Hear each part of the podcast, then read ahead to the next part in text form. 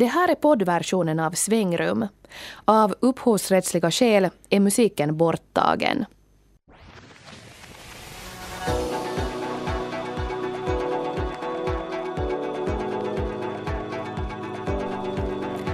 Nu är det dags för livsåskådning och närmare bestämt ateism. Idag ska Svängrum nämligen handla om fritänkarnas frammarsch på nätet.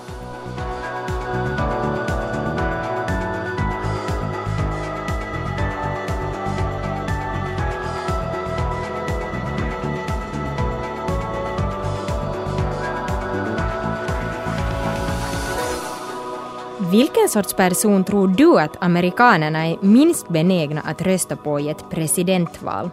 Jo, det är faktiskt ateister. Och ateism kommer svängrum att handla om ganska mycket idag, speciellt ateism på nätet. Och vi som sitter här i studion är Kira Schröder, Linda Grönqvist och Nanette Marie Forström. Ja, i USA så har ateisterna inte en speciellt stark ställning i samhället, men i podcastvärlden så finns det å andra sidan massvis med program med ateistiskt budskap. Och vi ska träffa en av de mer framgångsrika amerikanska podcastmakarna, nämligen musikern George Rabb. Mm. I USA bekämpar ateister och skeptiker kanske främst massa fundamentalister, men vad är det som driver nordiska skeptiker och humanister? Och varför är skeptikerrörelsen så mansdominerad? Det ska vi också diskutera i Svängrum idag och vi hör en av bloggarna på skeptic.se som består av just kvinnliga skeptiker. Också den här veckans gäst i Moralväktaren figurerar på nätet. Det är nämligen årets finlandssvenska bloggare Linn Ljung. Och i Moralväktaren svarar hon bland annat på frågan om man får skriva om folk på en blogg utan att berätta det för dem. Kanske man inte egentligen får, men jag har nog gjort det väldigt många gånger så jag är verkligen ingen bra förebild i den här frågan. Äh, jag har lite ibland tänkt sådär att äh, hon kommer aldrig, den här människan kommer aldrig till få läsa det här, alltså det här är inte någon skillnad.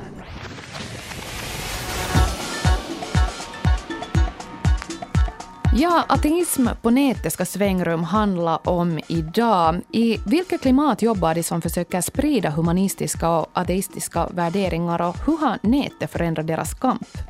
Ja, när vi talar om det här ämnet så kommer vi antagligen att slänga oss ganska mycket med sådana här begrepp som då ateism och humanism och skepticism. Och speciellt det här med humanism och skepticism så är kanske inte helt enkelt att riktigt reda ut hur de förhåller sig till varandra, vad skillnaden riktigt är. Ja, sen verkar det som att det finns lite olika definitioner beroende på vem det är man frågar. Mm. Men så här karikerat då, om man tar det så här enkelt, så humanism humanismen är, är då liksom en livssyn där man, där man värdesätter vetenskapen, sätter människovärde i, i centrum och, och prioriterar saker som mänskliga rättigheter och så här. Och är kritiskt inställd till religioner. Och, men sen finns det å andra sidan också eh, religiösa humanister så att det där, det beror lite på vem man frågar i det sammanhanget också. Mm. Skepticismen är ju sen då kanske ännu mer inriktad på just vetenskap och att, att hitta vetenskapliga svar på, på olika frågor i livet. Och sen speciellt kanske också som rörelse, de som på något sätt har ett mål med sin skepticism, så de angriper ju ganska ofta olika former av pseudovetenskap och okultism och allt möjligt sånt här. Ja, det är liksom att man inte köper några förklaringar som det inte finns en vetenskaplig grund för. Mm. Eh, men hur som helst så ska vi nu träffa en man som ägnar en stor del av sin tid åt att bekämpa olika fundamentalistiska former av religion och pseudovetenskap på nätet. Horoscopes. Ask George. Not the Bible. No. Plus so much more. And now, the host of the Geologic Podcast. Me! I över 200 avsnitt av The Geologic Podcast har funkmusikern George Rabb från den nog så bibliskt klingande staden Bethlehem i Pennsylvania spridit sitt skeptiska och ateistiska budskap över internet. I USA förknippas ateister ofta med cynism, men för George Rabb är humorn ett viktigt verktyg. I love silliness. I love the distraction of silliness. And ultimately, if someone wants to be entertained, that's what's most important. If they get the message somewhat at some little point, or if it almost infects them a little way, kind of in the best kind of virus, in the nicest kind of virus way, then great. But that's not essential by any means. Rab jämför podcastens budskap med en sorts virus som folk i bästa fall smittas med medan de blir underhållna. Ett återkommande inslag i podcasten är avsnittet Religious Moron of the Week, alltså veckans religiösa idiot, där Rab gör sig lustig över extremistiskt religiöst tänkande.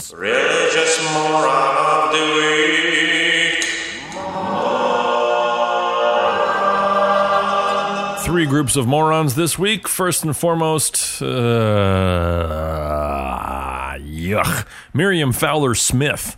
65 of I ett avsnitt tog Rab till exempel upp en amerikansk dam som hängde och brände upp en hund som hade tuggat på en bibel och Vatikanens beskyddande av pedofilpräster.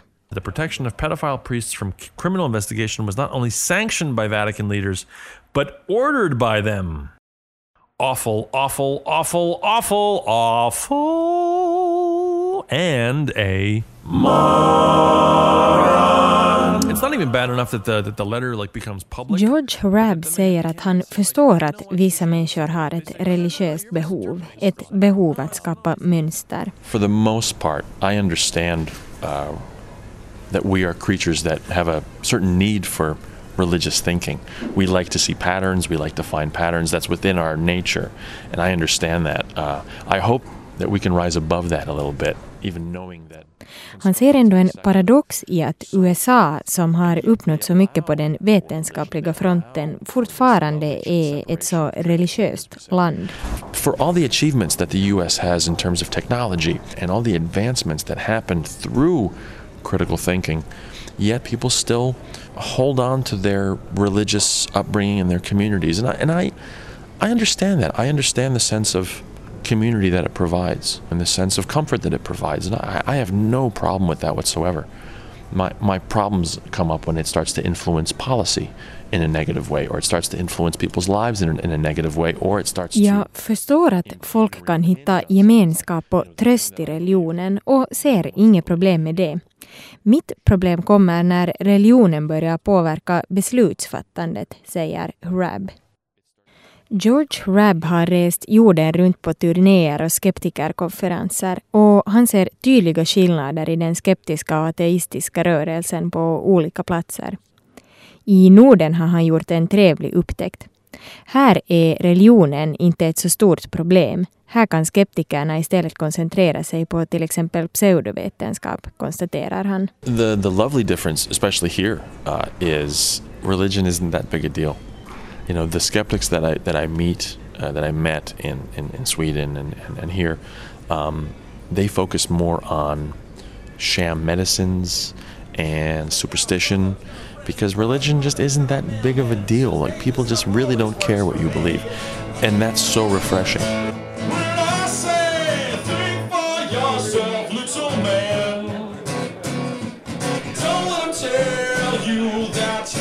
Så här lät det när George Rabb för några veckor sedan gav en konsert i Helsingfors.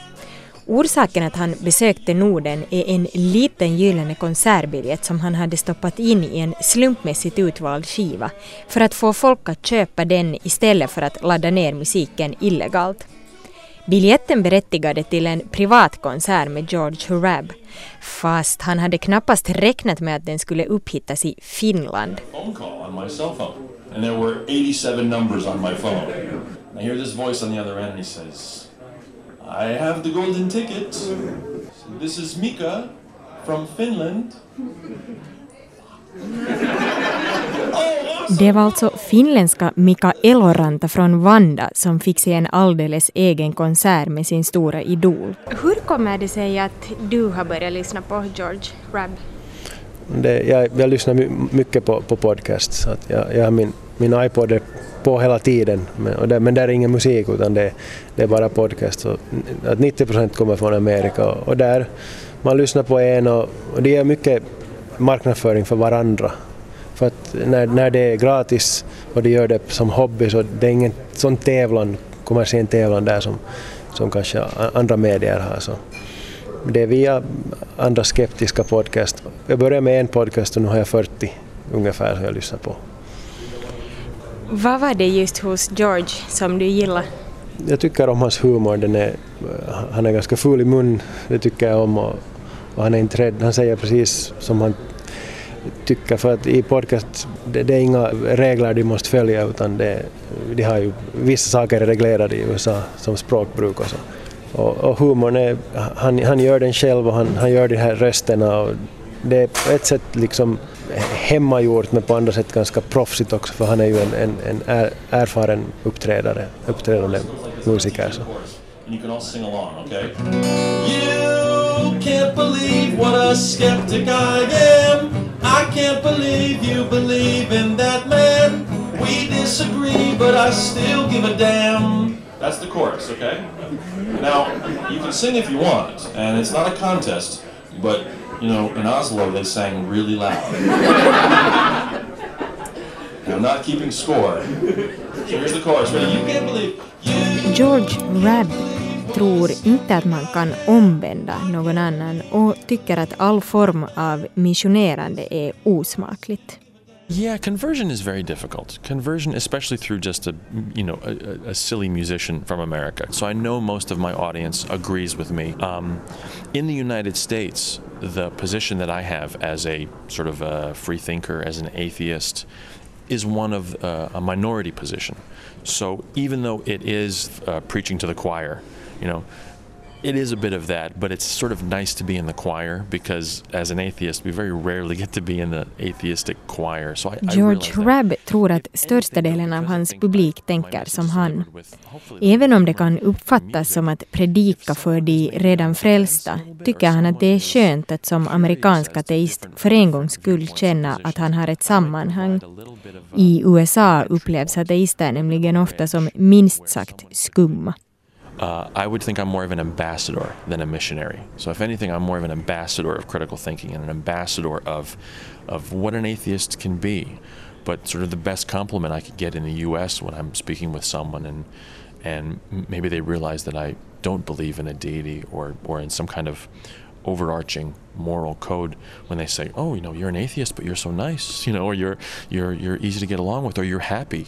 You know, that's George Rabb ser sig själv som något av en ambassadör för ateismen. Att visa hurudan en ateist kan vara i ett land där ateism är någonting rätt ovanligt. Den bästa komplimangen jag kan få är när någon säger ”Oj, du är väldigt trevlig för att vara ateist” eller ”Du är lycklig”, säger han. Hrab illustrerar det här med att vara en ambassadör för ateismen med en liten historia om den gången han hjälpte en gammal dam som hade fått punktering att byta däck på bilen. I must, I must give you something. And I said, tell you what, I don't need anything, but sometime if you're ever having a conversation with someone and maybe the topic of atheism comes up, say that one time, you know, this atheist change your tire for you and he didn't want anything När for it. damen undrade vad hon kunde göra för att tacka sa Hrab att hon gärna får berätta för folk att det var en ateist som hjälpte henne och att han inte ville ha någonting i gentjänst. En sån här attitydförändring krävs enligt Hrab eftersom ateister befinner sig väldigt lågt i den amerikanska hierarkin. I mean, atheists sort of rate very low on the social ladder. There was a a poll done, I think last year, asking about um, would Americans vote Han citerar en undersökning om vem amerikaner skulle rösta på i presidentvalet, där ateist kom allra lägst. Många amerikaner skulle till exempel hellre rösta på en muslim än en ateist, trots de rätt rasistiska antimuslimska stämningarna som nu råder, påpekar Rab.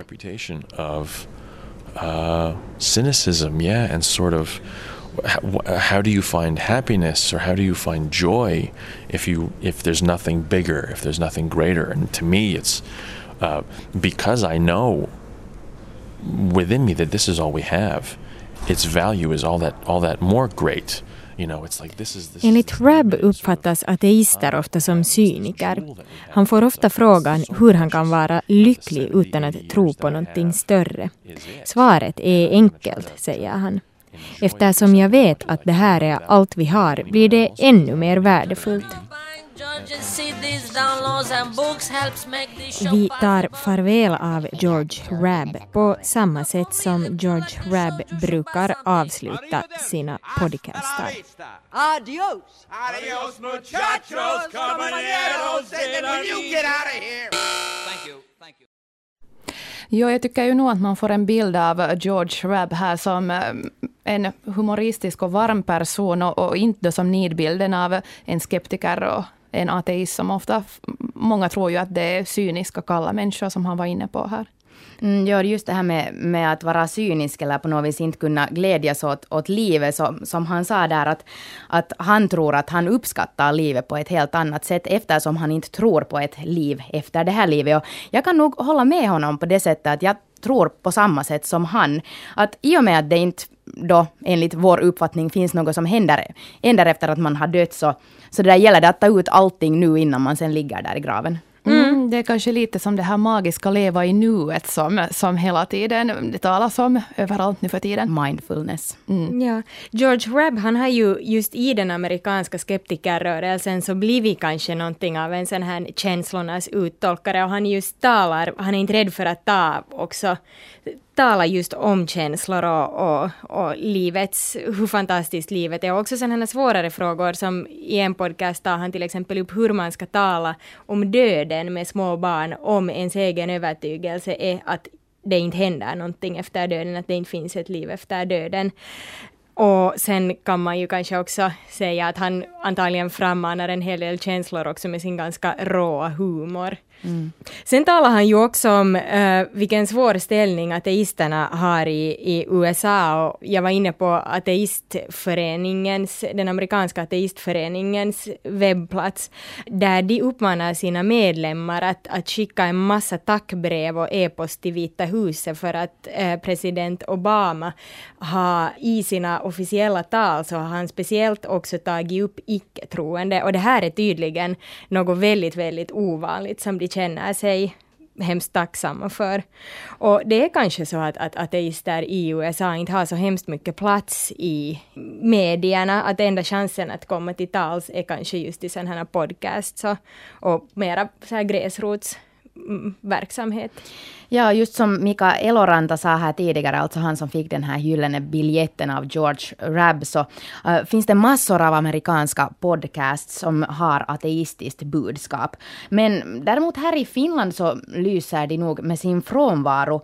Um, men vågen verkar å andra sidan ha nått Sverige åtminstone i någon form. Där finns det då dels uh, just podcasts, men också sådana ateistiska, humanistiska nättids nättidskrifter och bloggar och en av de färskaste tillskotten på, på podcastfronten är, är Humanistbloggen.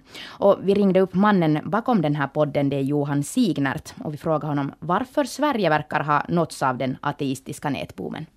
Ja, jag vet inte om det är sådär jättemycket, men eh, jag tror att det i ett land som Sverige kan man liksom inte säga att det är provocerande på något sätt att kalla sig eh, för icke-troende sådär, men det är väl ändå fortfarande så att vi människor har någonstans ett behov av att fylla någon slags eh, andligt rum i vårt liv, eller det som de flesta vill kalla för andligt. Och när då inte religionen är så väldigt framträdande så finns det så mycket annat man kan fylla det med också. Det kan vara alla möjliga alternativa rörelser och, och eh, nyandlighet och eh, ja, den typen. Så, så det gör nog att det finns ändå ett behov av en motreaktion för det är ju inte alla de här som du nämner på nätet, olika forum och poddradior, det är ju inte alla de som är specifikt inriktade just på trosfrågor utan det kan vara mera, mera allmänt bara ett ifrågasättande av eh, häpnadsväckande påståenden utan grund. Så här.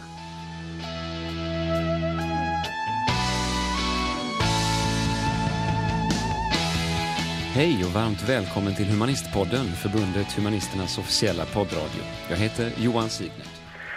Eh, Humanistpodden är ju en ganska enkel poddradio som kommer ut en gång i månaden som jag har dragit igång själv. Eh, jag tog kontakt med Humanisterna. Jag är inte aktiv i Humanisterna på något annat sätt så, men jag tyckte att det saknades en liten eh, nisch där i den svenska poddradiokulturen. Mm. Och vad tycker du själv att, att den här poddradion tillför? Jag tycker den ger en möjlighet för personer som är intressanta ur ett livsåskådningsperspektiv. Att eh, få komma till tals lite längre. Jag brukar ha, göra varje avsnitt ungefär 30-40 minuter och brukar förhålla mig själv ganska neutral och brukar låta gästen prata och utveckla sin syn på det. Jag behöver inte nödvändigtvis hålla med om allt de säger men jag tycker det, det är frågor som är intressanta att dryfta och så kan man hoppas sen att det får hyfsat många lyssnare så att, så att det väcker en diskussion och blir ett komplement. Ja, Johan Signert är mannen bakom Humanistpodden och liksom så många andra poddmakare här i världen gör han det helt frivilligt utan ersättning. Jag frågar honom hur han ser på de nya mediernas roll när det gäller att sprida ateistiska och humanistiska budskap. Det där tror jag är jättesvårt att svara på för jag tror på ett sätt är det inte viktigt alls för det är jättefå människor som lyssnar på poddradio. Det är jättefå människor som eh, är aktiva på Twitter. Det är jättefå människor som är inne regelbundet och debatterar i nätforum så. Men på ett annat sätt så tror jag att det är viktigt för att du bygger på något sätt en du bygger upp en kunskap inom en rörelse på något sätt. När människor får chans att ta del av idéer på det här sättet, väldigt, väldigt nischat, väldigt specifikt och sen får chans att i olika forum diskutera och nöta de här frågorna mot varandra. Då tror jag att det blir lättare för dem att sen sitta i fikarummet på jobbet eller i omklädningsrummet eller sådär och diskutera sådana saker när någon kollega då kanske tar upp att eh, personen i fråga har provat homeopatisk medicin eller eh, tror på reinkarnation eller vad det nu kan vara. Va? Så jag tror inte att budskapet når ut direkt från en poddradio eh, eller, eller från någon Twitteranvändare till den breda massan. Men jag tror att det kan, det kan stärka människor som, som vill i sin tur få ut det budskapet. Trots att kyrkan i det relativt sekulära Norden inte har lika stor makt som i till exempel USA, så anser Johan Signert att det ändå finns ett behov av att påminna folk om att det också här finns andra alternativ. Även om inte kyrkan är stark i vanliga människors liv på det sätt som de i USA, så finns det ändå en syn idag att vi behöver andlighet, vi behöver kyrkan, vi behöver religion eller några liknande så att säga övernaturliga förklaringar för att hitta en mening med livet för att för att livet inte ska bli tomt och meningslöst. Och, det, det, finns en ganska bred... Jag hör folk som säger åh jag önskar, jag önskar att jag var att jag var religiös. För tänk, tänk att kunna ha den meningen med livet. Så här. Och säga nej, det finns faktiskt det finns andra sätt att angripa svårigheter i livet och, och, och tomrum i livet utan att behöva ta till övernaturliga förklaringar. Jag tycker det är viktigt att det kommer fram, även om kyrkan har en annan roll i Sverige än vad den har i USA. Det där, hurdant skulle du säga att samhällsklimatet är här i Norden för folk som driver sådana frågor? Ja, det är ju stor skillnad mot USA. Men det har faktiskt slagits av det att, att, det, att säga att nej, jag är ateist, jag är humanist och jag tar mera aktivt avstånd från det. Jag tycker inte att religiösa grunder är en, jag tycker inte att det är en bra etisk grund att bygga ett samhälle på eller att bygga sitt liv på. Att göra det uttalandet, det är provocerande i Sverige också. Mm. För att eh, då är man en, då betraktas man liksom som någon som säger nej och inte är öppen öppen och, och det, det, verkar vara viktigt för folk att man ändå kan säga att ja, men någonting tror jag på. Det är väldigt vanligt, jag brukar säga det är Sveriges nya statsreligion, det är den här jag tror inte på Gud, någonting tror jag på.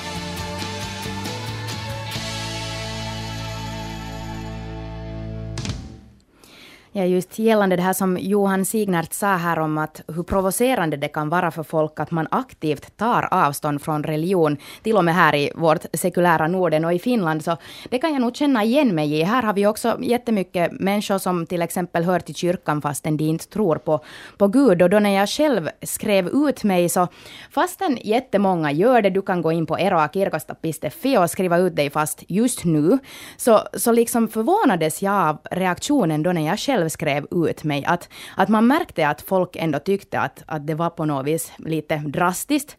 Och, och liksom att, att folk typ hade en, en lista över framtida faddrar som jag tidigare hade liksom funnits på, men att, men att numera kan jag ju inte bli gudförälder. Så såg man liksom hur de på något vis mentalt checkade av en från den listan. Jag tänker att det kanske kan bero på det att, att man i Finland överlag inte pratar så mycket om vad man tror på eller vilken mm. religiös inriktning man har. Det är någonting som är ganska privat. Och, och, och när det från början är privat och sen när man dessutom då berättar att man tar avstånd från det, så det kanske också är det som gör att människor tycker att det på något sätt känns, att det blir väldigt känsloladdat helt enkelt. Mm. Och sen är det kanske som man funderar på sina egna sådana avlägset bekanta, så man kanske bara utgår från att de har en viss livsåskådning, men det är ändå ganska sällan man verkligen talar om det så att man skulle vara säker på, på vad andra människor tror eller inte tror. En annan aspekt när man funderar på det här med ateism och, och kanske också skepticism är ju könsaspekten. Uh, när vi var på den här konserten som George Rabb hade i Helsingfors så la vi ju märke till att det faktiskt var ganska så mansdominerat uh, i publiken. Ja, vi var typ de enda kvinnorna där. ja, eller kanske det var sådär att det fanns ju nog andra kvinnor men man hade kanske lite den där känslan att det var uh, de var där med sina pojkvänner eller sambor. Och han dedikerar ju en sång också då som uh, George Rabb, som han sa att det här är nu till alla flickvänner ja. som har blivit med släpade hit till den här konserten. Ja, och det här är ju, jag vet inte om det här är någonting som är allmänt i skeptikerrörelsen eller om det bara är helt enkelt en myt på något sätt, men den bilden kanske man lite har. Åtminstone i Sverige så finns det nog siffror som alltså befäster det här. Precis. Och, men det finns också organisationer som kämpar för att öka antalet kvinnor inom skeptikerrörelsen. Till exempel en webbsida som heter Skeptic. Och den har också en svensk systersida som heter Skeptic där det är olika kvinnliga skeptiker som bloggar om, om sådana här saker. Och jag ringde upp Maria som bloggar under namnet Teknikolor på skeptic.se och frågade varför hon tror att det är mest män som engagerar sig i skeptiker och humaniströrelserna. Ja, alltså det är någonting som man bara kan ha hypoteser om såklart. Men jag tror att det finns nog flera olika förklaringar till det. dels så kan det nog vara traditionellt på ett sätt. För att eh, just skeptikerrörelsen i Sverige i alla fall startades ju med folk som, som är engagerade i ja, mer mansdominerade vetenskapliga områden. Och eh, många av de som drog igång vetenskap och folkbildning då som det heter Eh, var ju män. Och då tror jag att det är lättare kanske att dra till sig andra män. Och det är kanske lättare att, att känna som man då att man kanske passar in sådär, kan identifiera sig. Men sen så kan jag också tänka mig att alltså det, det är ju lite grann sådär att olika saker, där finns det ju olika andel män eller kvinnor som är engagerade. Och eh, av någon anledning så är det väl de här områdena som egentligen är vanligast att man pratar mycket om i skeptikerrörelsen som till exempel fysik och ja, man pratar kanske om, om evolution och sådana här saker men som sagt fysik och är väldigt vanligt och det är ju sådana områden där männen idag är fler inom, så som jag har förstått det i alla fall. Men du talar om det här att, att män kanske äm, dras till sånt här som fysik, naturvetenskap och sånt. Omvänt då, betyder det att kvinnor förväntas vara mer benägna att tro på till exempel horoskop eller new age eller mm, andra sådana här saker? Ja, som vi säger så här att eh, man, eh, man kan säga att kvinnor är eh, fler inom flera, eller vissa av de här områdena, till exempel när det gäller med new age och änglar och, och sådana här saker och medium och så, så, så är kvinnorna fler. Men naturligtvis finns det män också. Medan män kanske mer dominerar när det gäller konspirationsteorier och, och sådana saker. Och återigen, det är väl svårt att säga vad det beror på, men det är väl också eh, arv och miljö, så att säga. Men eh, Eh, men däremot så, det som jag har märkt att en del av de här som håller på med new age eller alternativmedicin och så, kör någon slags eh, särartsfeministisk eh, tanke om att ja men det som männen håller på med det är ju inte lika fint som det här kvinnliga som handlar om intuition. Att vetenskap det är manligt och kallt och hårt medan kvinnorna har någon slags intuitiv känsla för hur det egentligen förhåller sig. Och det är någonting som jag som kvinna kan bli väldigt, väldigt upprörd över. För att eh, jag vill inte befatta mig med den här identiteten att jag som kvinna, jag ska gå på, på intuitionen och inte på vetenskapen. Eh, så att, men där tror jag att de försöker nischa sig mot kvinnor också genom att säga att ja, men det här är kvinnligt och det är fint.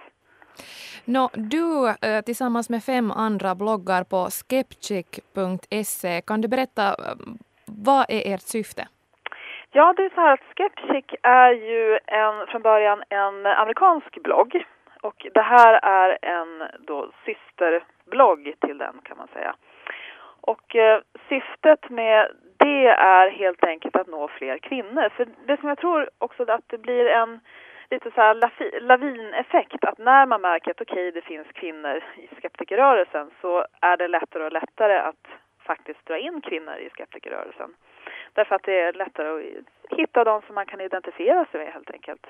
Det är som en, eh, en kvinna som är väldigt ny inom skeptikerrörelsen som berättade just det här att hon inte hade kommit till våra skeptikerpubbar som vi arrangerade tidigare. Det var lite grann för att hon var så rädd att hon skulle komma dit eh, och så sen skulle sitta liksom fem manliga professorer och stirra på henne med kalla ögon och undra vad gör hon där? Och så är det ju verkligen inte i skeptikerrörelsen. Det är inte en massa professorer utan det är vanligt folk som helt enkelt gillar när, ja, när man utgår från verkligheten. Helt enkelt. Så att det är ett sätt för oss att försöka nå kvinnor mer och eh, ja, helt enkelt nå den målgruppen. Så att det som vi skriver om egentligen det är ju framförallt generell skepticism, eh, sådana ämnen, men också lite mer nischat mot mot kvinnor och inte då att oj nu skriver jag mjuka frågor för det är kvinnligt utan till exempel så skrev jag för ett tag sedan ett inlägg om mödomshinnan och att det är faktiskt en medicinsk myt att den existerar. Så att det är väl det som är lite syftet med, med just Skeptic och det är en väldigt nystartad sida så att vi hoppas att vi kommer att växa. Ja, det här med att kvinnor ska vara intresserade av det mjuka och det intuitiva och känslor och sånt, så det, det, känner man ju igen. Jag tänker till exempel inom den moderna kulturen i damtidningar med horoskop och hitta din aura och allt möjligt sånt här. Mm. Ja, det är ju en uråldrig stereotyp på något vis det här med kvinnan som ligger närmare känslan och intuitionen och så här. Mm. Just alltså det här med horoskop så kan jag bli jättearg på att jag förväntas veta allting om horoskop och när jag, folk frågar att vad jag är för stjärntecken och så säger jag oxe och sen de säger aha, aha, mm, just det, just det, ja. Och jag, jag som inte läser horoskop, jag vet inte alls vad folk tänker om, jag blir jättearg att de tror att de liksom, fast de flesta ju inte tar det på allvar, men ändå så är de lite så här att ja, ja, just det, just jag å andra sidan blir arg på, för jag vet vad folk tänker när de vet att jag är stenbock, då är man liksom ambitiös och tråkig och använder någon sån här kritstrecksrandig kostym på jobbet och sånt här, och jag känner inte alls igen mig i den bilden, så att, men ja, inte tror jag nu heller på det personligen. Så att... Mm, många som kritiserar horoskop säger ju ofta det att de är så allmänt hållna och, och de säger som att alla på sätt och vis kan känna igen någonting eller välja vad de tar till sig då av de här horoskoperna. Men, men det som jag skulle vilja lyfta fram här är ändå det att, att intuition och känsla, det behöver ju per definition inte vara humbug eller någonting dåligt. Jag tänker till exempel i en situation där man ska anställa någon och går på sin intuition, då är det kanske mera liksom ett uttryck för en samlad kunskap och erfarenhet där man kombinerar många saker och sen säger man att man går på sin intuition, men det är ju inte något hokus pokus bara för den, den sakens skull. Nej, inte nödvändigtvis något dåligt, men det är ju inte nödvändigtvis något kvinnligt heller heller. Nej, absolut Nej, inte. Och sen så ska man kanske inte basera vetenskap på det, men definitivt i sådana sammanhang så ja, har det ju ett värde.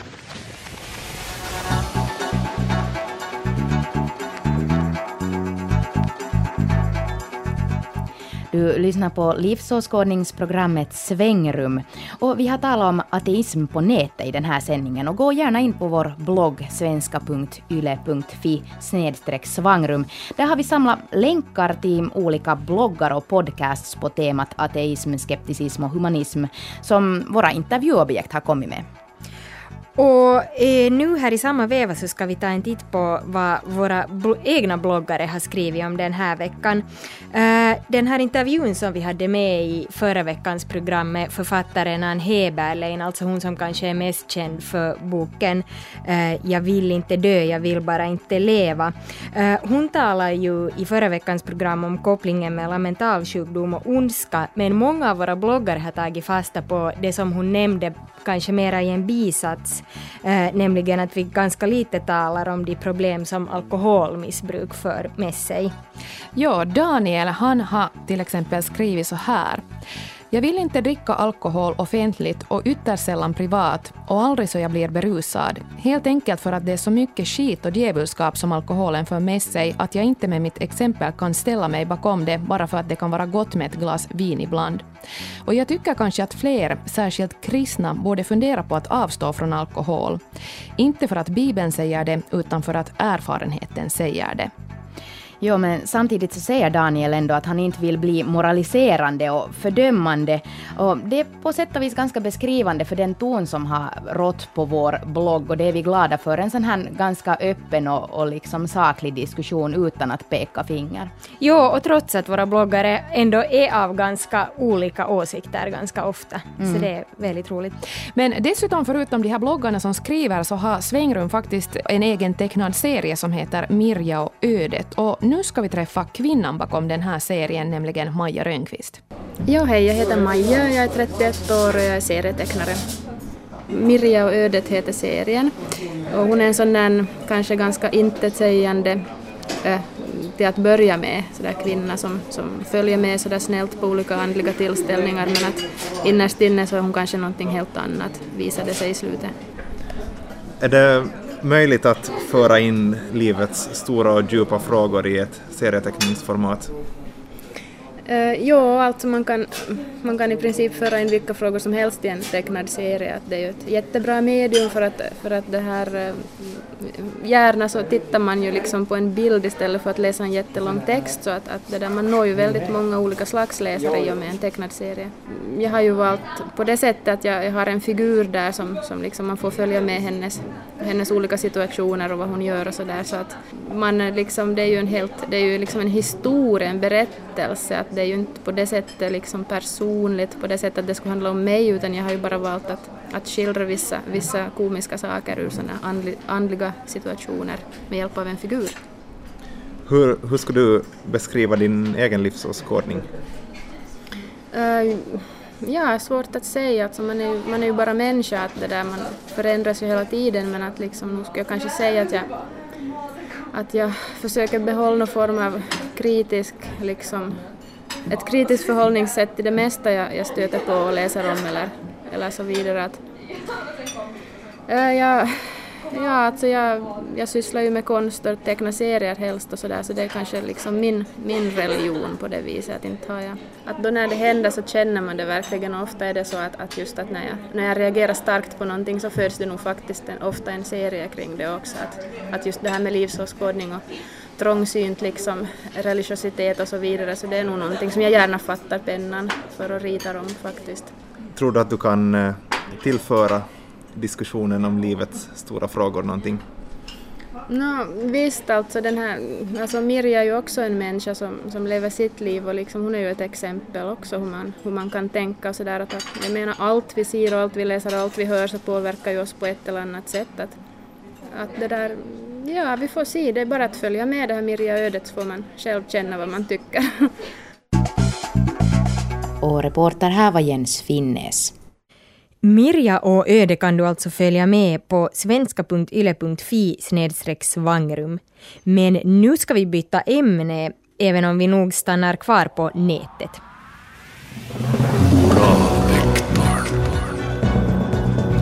I Moralväktaren ställer vi etiska och moraliska frågor till samhället intressanta personer. Och de här svaren analyseras sen av vår egen husfilosof Sebastian Bergholm som ger poäng på en skala från 1 till 5 beroende på uh, hur logiskt man argumenterar och, och, och vad man baserar uh, sina åsikter på. Här finns alltså inget rätt och fel utan det handlar helt enkelt om ens argumentationsförmåga. Och gäst i Moralväktaren idag är Lin Ljung som ju fick motta priset för Svenskfinlands bästa blogg i december för sin blogg Mamas Got the Magic. Lin Ljung är 25 år gammal, tvåbarnsmamma från Västnyland men numera bosatt i Vasa där hon studerar statskunskap.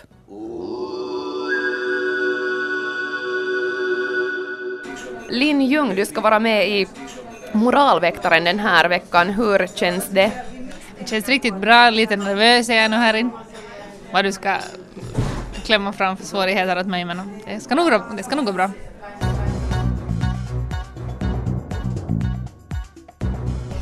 Tänk dig att en god vän berättar att hans eller hennes drömjobb har lediganslagits och du vill också ha det. Vad gör du? Det här är ganska roligt att du ställer den här frågan för att det här är, inte, det här är inte alls ett omöjligt scenario att det ska hända i mitt liv på riktigt för att konstigt nog så är de flesta av, ja, de flesta av mina närmaste vänner i alla fall inne på ganska sådär samma bana som jag. Så det är inte alls omöjligt att det här skulle hända i verkliga livet. Och, och jag skulle säga att, det, eller i alla fall i mitt fall skulle det vara så att det, det skulle vara helt okej okay för mig att söka det här jobbet. Jag skulle, vi, ska, eller, vi är ju väldigt öppna med varandra, jag och mina... Eller den här bästa vännen i frågan, och så skulle vi förstå att vi är alla inne på samma bana och det är helt okej okay för, för dig med. Jag skulle säga sorry men jag måste söka det här och det vet du säkert. Så skulle hon säga fine, bra. Skulle situationen vara annorlunda om det inte skulle vara så att um, det är få jobb som ni konkurrerar om? Mm. Tja, alltså det, det beror på om det här jobbet, om det här verkligen är det som jag verkligen vill ha, så då skulle jag nog måste. Men om jag känner att, att min bästa vän kan bli väldigt mycket lyckligare än jag i så då skulle hon förstås, då får hon nog, då får hon ha det. Men jag tror nog att men som, som jag sa så tror jag nog att vi båda skulle vara helt okej okay med att vi, att vi skulle båda söka det. Och den som får det så får det. Uh, du bloggar ju mycket. Får man skriva om andra människor på sin blogg utan att berätta om det för dem?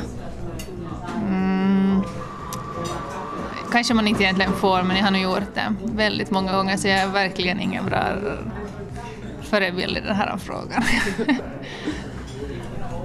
Varför tycker du att man eventuellt ändå borde berätta? Mm, det kanske är schysst att man berättar att man... Det beror, förstås, beror ju på lite vad man skriver om men jag tycker nog ändå, ändå borde man kanske berätta. Eller hur? hur? Hur tänker du då när du ändå själv inte gör det? Nej men alltså, om det är frågan om människor som jag tänker att, om människor som jag tänker att kan någon gång få, kan upptäcka att jag skriver om dem så då, det är ju klart att då berättar jag nog men att äh, jag har lite ibland tänkt sådär att äh, hon kommer aldrig, den här människan kommer aldrig till få läsa det här, alltså det här är inte någon skillnad.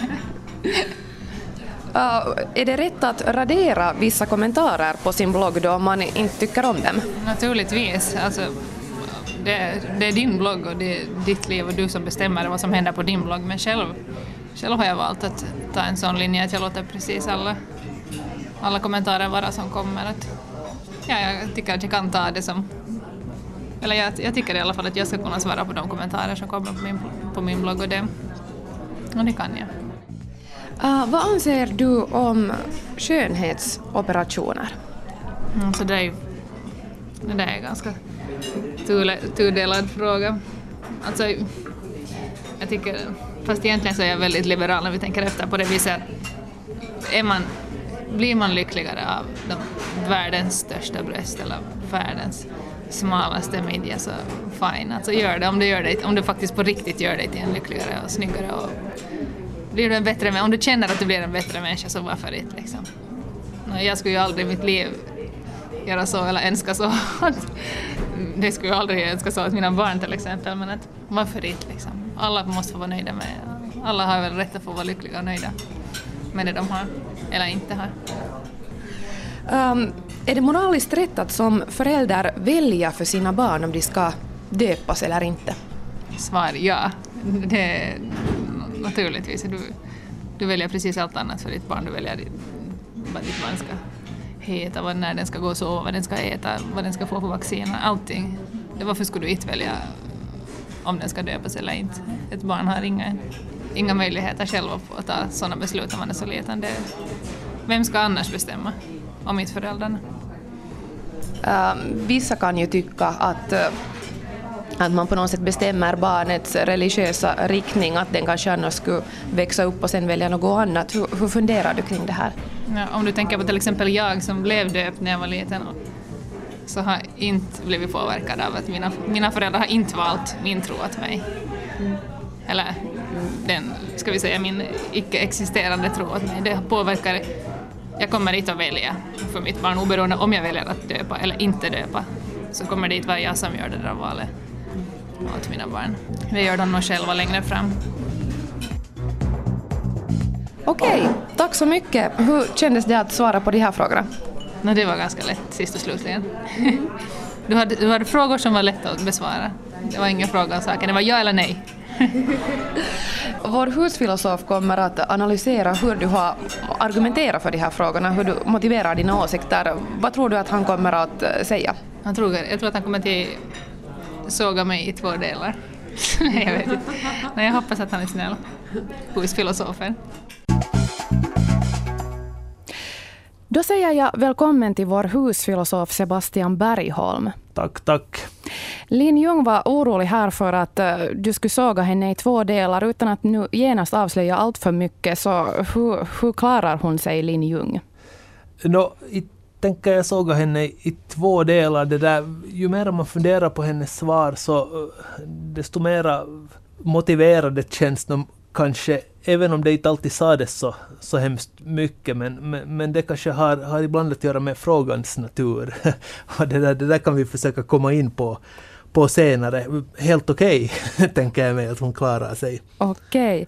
Om vi börjar från början då, då handlar det om det här drömjobbet som mm, har ledighetsanslagits. Hur tycker du hon klarar sig här? Uh, helt okej. Okay. Jag menar, jag börjar fundera på var ligger den här moraliska problematiken. Är det det att man då snuvar en kompis på ett jobb som den också vill ha. Men, men så som ni beskrev den här situationen så det där så tycker jag att eh, det att den här vännen berättar om att det finns ett sånt här jobb ledigt, det signalerar ju redan någon slags öppenhet, vilket på något vis betyder att det kanske inte finns ett problem eller en, en konflikt. Och, och, och, det så att säga anar Lin Jung, tycker jag, ganska, ganska snabbt. Alltså att i hennes vänskapskrets finns det, som hon säger, en gemensam förståelse för att man, har, man är inne på samma bana och det kommer upp några jobb och, och så här. Och, och de kan man konkurrera om. Sen kommer hon ju in på det här att, att om hon då inser att, att den här vännen blir mycket lyckligare av att få det här jobbet än hon själv så kan hon överväga att då kanske inte, inte söka det. Här är jag förstås lite skeptisk till om lycka nu är det bästa begreppet att använda för att beskriva det här. Det kan ju förstås vara så att det handlar om en, ett jobb som alstrar lycka men så kan det ju också vara att, att det är ett jobb som eh, där vännen bättre kan på något vis förverkliga sig själv eller utveckla sig själv. Eller på något vis så där träna, bygga upp en annan viktig mänsklig sak på ett sätt som då inte skulle varit fallet för Linn själv, alltså där Linn bara så att säga skulle ha tagit ett jobb. Eh, och, och det här skulle man förstås ha kunnat komma in på och, och gå djup, djupare på och, och, det gör hon då inte utan hon nöjer sig med att konstatera så det är ganska praktiskt att no, månne det inte skulle vara helt okej. Okay. Uh, Lin Ljung är ju som sagt då en av de största finlandssvenska bloggarna och, och jag frågar henne också om det här med att skriva om, om andra människor utan att uh, berätta för dem. H hur tänker du kring hennes svar om, om den här frågan? No, hon resonerar ju ganska långt uh, eller hon sökte kanske efter en position. Och det är ju så som man ofta gör äh, i moraliska situationer eller frågor. De, de kommer alltså över en, man kan inte kolla i en sån här facit hur man borde göra. Kanske jag skulle ha tänkt mig att hon ska fundera lite mera på det här eftersom hon då ändå är den största finlandssvenska bloggaren. Eh, men om man tittar på, på de här svaren så, jag menar, jag, jag, jag tror att, att de här situationerna som hon också konstaterar varierar väldigt mycket. Det handlar om vad man skriver. Det resonemanget köper jag nog. Eh, jag menar om, om man skriver att jag var på kaffe med Johanna eller skriver någonting fult om Johanna eller lämnar ut Johanna. Så, så då är det väldigt olika situationer och man kanske kan, och man kan kanske inte på något allmänt plan säga att det är okej okay eller inte okej okay att skriva om Johanna sådär bara. Så det att hon kanske inte kom med en klar beskrivning eller ett klart svar har, har nog att göra med att just den här frågan är så väldigt mångtydig att det helt enkelt inte går att säga något allmänt utan man måste sådär spjälka upp den. Man skulle ju önska att hon skulle ha, ha definierat det här lite mer, vad hon menar med att säga att, att man egentligen borde säga. Jag, jag tror att, äh, att det är så här som vi vanligen gör. Alltså jag menar, vi vet att det finns svält i världen och sen köper vi en biff istället för att äta billigare och ge pengarna till välgörenhet eller, eller, eller vad som helst. Det är sån här det är en massa sådana praktiska konflikter som jag påminns om och jag, jag, vet inte riktigt hur man, ska, hur man ska bli kvitt den där paradoxen. Antagligen borde man göra så som man känner, alltså om man vet att det är fel så borde man säga men så kanske, att man då i det här fallet har, har bloggat om, om någon men, men det kanske inte alltid är, är praktiskt möjligt heller att leta upp alla som man bloggar om, speciellt om, om ärende är väldigt alldagligt. Vi går uh, vidare då. Uh, jag frågade henne också om eh, hur hon ser på skönhetsoperationer. Vad har du där gjort för noteringar? No, här är hon ju in, inne på det här begreppet lyckligare igen och hon verkar använda det ganska ofta. Jag tycker att hon rör sig med ganska allmänna begrepp. Hon säger att det är okej okay med skönhetsoperationer om man blir bättre, snyggare eller lyckligare. Och här tycker jag att hon kanske stannar upp. Hon, hon tränger inte så där jättedjupt in i det här. Jag menar till exempel fråga sig varför man gör operationer, varför vissa människor faktiskt känner sig lyckligare av att göra dem. Då kanske det kan vara frågan om att, att man går och bär på ett trauma eller något livslångt komplex. Och, och då är det ju inte bara så att säga en skönhetsoperation man gör, utan man kanske också lappar till själen. Men sen kanske det bara kan vara frågan om någon som är jättesnygg och har för sig att den måste räta till sin näsa. Då är ju också situationen annorlunda. Så att här, tyck, här tycker jag att hon inte egentligen säger så hemskt mycket. När det handlar om föräldrarnas rätt att välja för sina barn, har hon mera att säga där? Ja, jag tycker att jämförelsen med att döpa ett barn och välja andra saker för sina barn. En beskrivning av hur, hur det faktiskt är. Jag vet inte själv varför det skulle skilja sig så hemskt mycket att, att välja att döpa sitt barn. Jag menar, man kan ju vända på det. Folk som inte döper sina barn väljer ju att sådär potentiellt hålla barnet utanför Guds gemenskap. Och I bägge fallen så sätter man ju sina egna värden på spel och på något vis styr in, in barnet där. Så att jag vet inte om man måste vara så känslig bara för att det gäller religion. Och, och, och egentligen så tycker jag att hennes svar är helt tillräckligt här. Det finns inte så mycket mer att säga just, jag menar, man kan gå ganska instinktivt tycker jag på sådana här frågor och jag menar just, och ge ett helt bra argument som följer upp det. Det behöver inte vara konstigare än så. Om vi äh, avslutar den här delen då och summerar hur Lin Jung har klarat sig. Äh, vi brukar ge vitsord, eller du brukar då ge ett vitsord mellan 1 och 5 på hur bra de har argumenterat för sina åsikter. Hur klarar sig Lin Jung och varför? Lin Jung sa ju att de här frågorna var lätta, det bara var att svara jo eller nej och i viss mån så var jag benägen att hålla med henne. Sen är ju det intressanta hur man argumenterar för sitt ja eller för sitt nej. Och här kanske hon inte varje gång argumenterar så hemskt mycket. I andra fall så, så hade hon goda argument. Eh, hon skulle gärna ha fått fördjupa dem på alla punkter, men, men, men hon resonerar ganska praktiskt och, och det är väl så, så, man gör, alltså man på något vis söker sig fram till en position som man kan leva med. Jag, jag väljer mellan en stark tvåa och en svag trea, men jag kanske då landar på en stark tvåa för att hon på något vis påminner ganska mycket om Jallis Harkimo. Hon hade ett sympatiskt sätt att tänka, men kanske inte ändå försökte spinna vidare på det som hon egentligen tänkte och tyckte. Ja, det får bli en stark tvåa. Tack så mycket Sebastian Bergholm.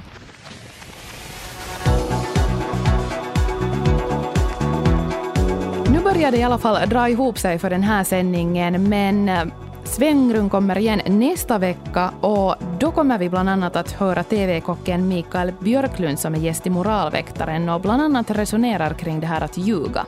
Ja, och nästa vecka ska det också handla om förhållanden och vi diskuterar tvåsamheten som norm i samhället.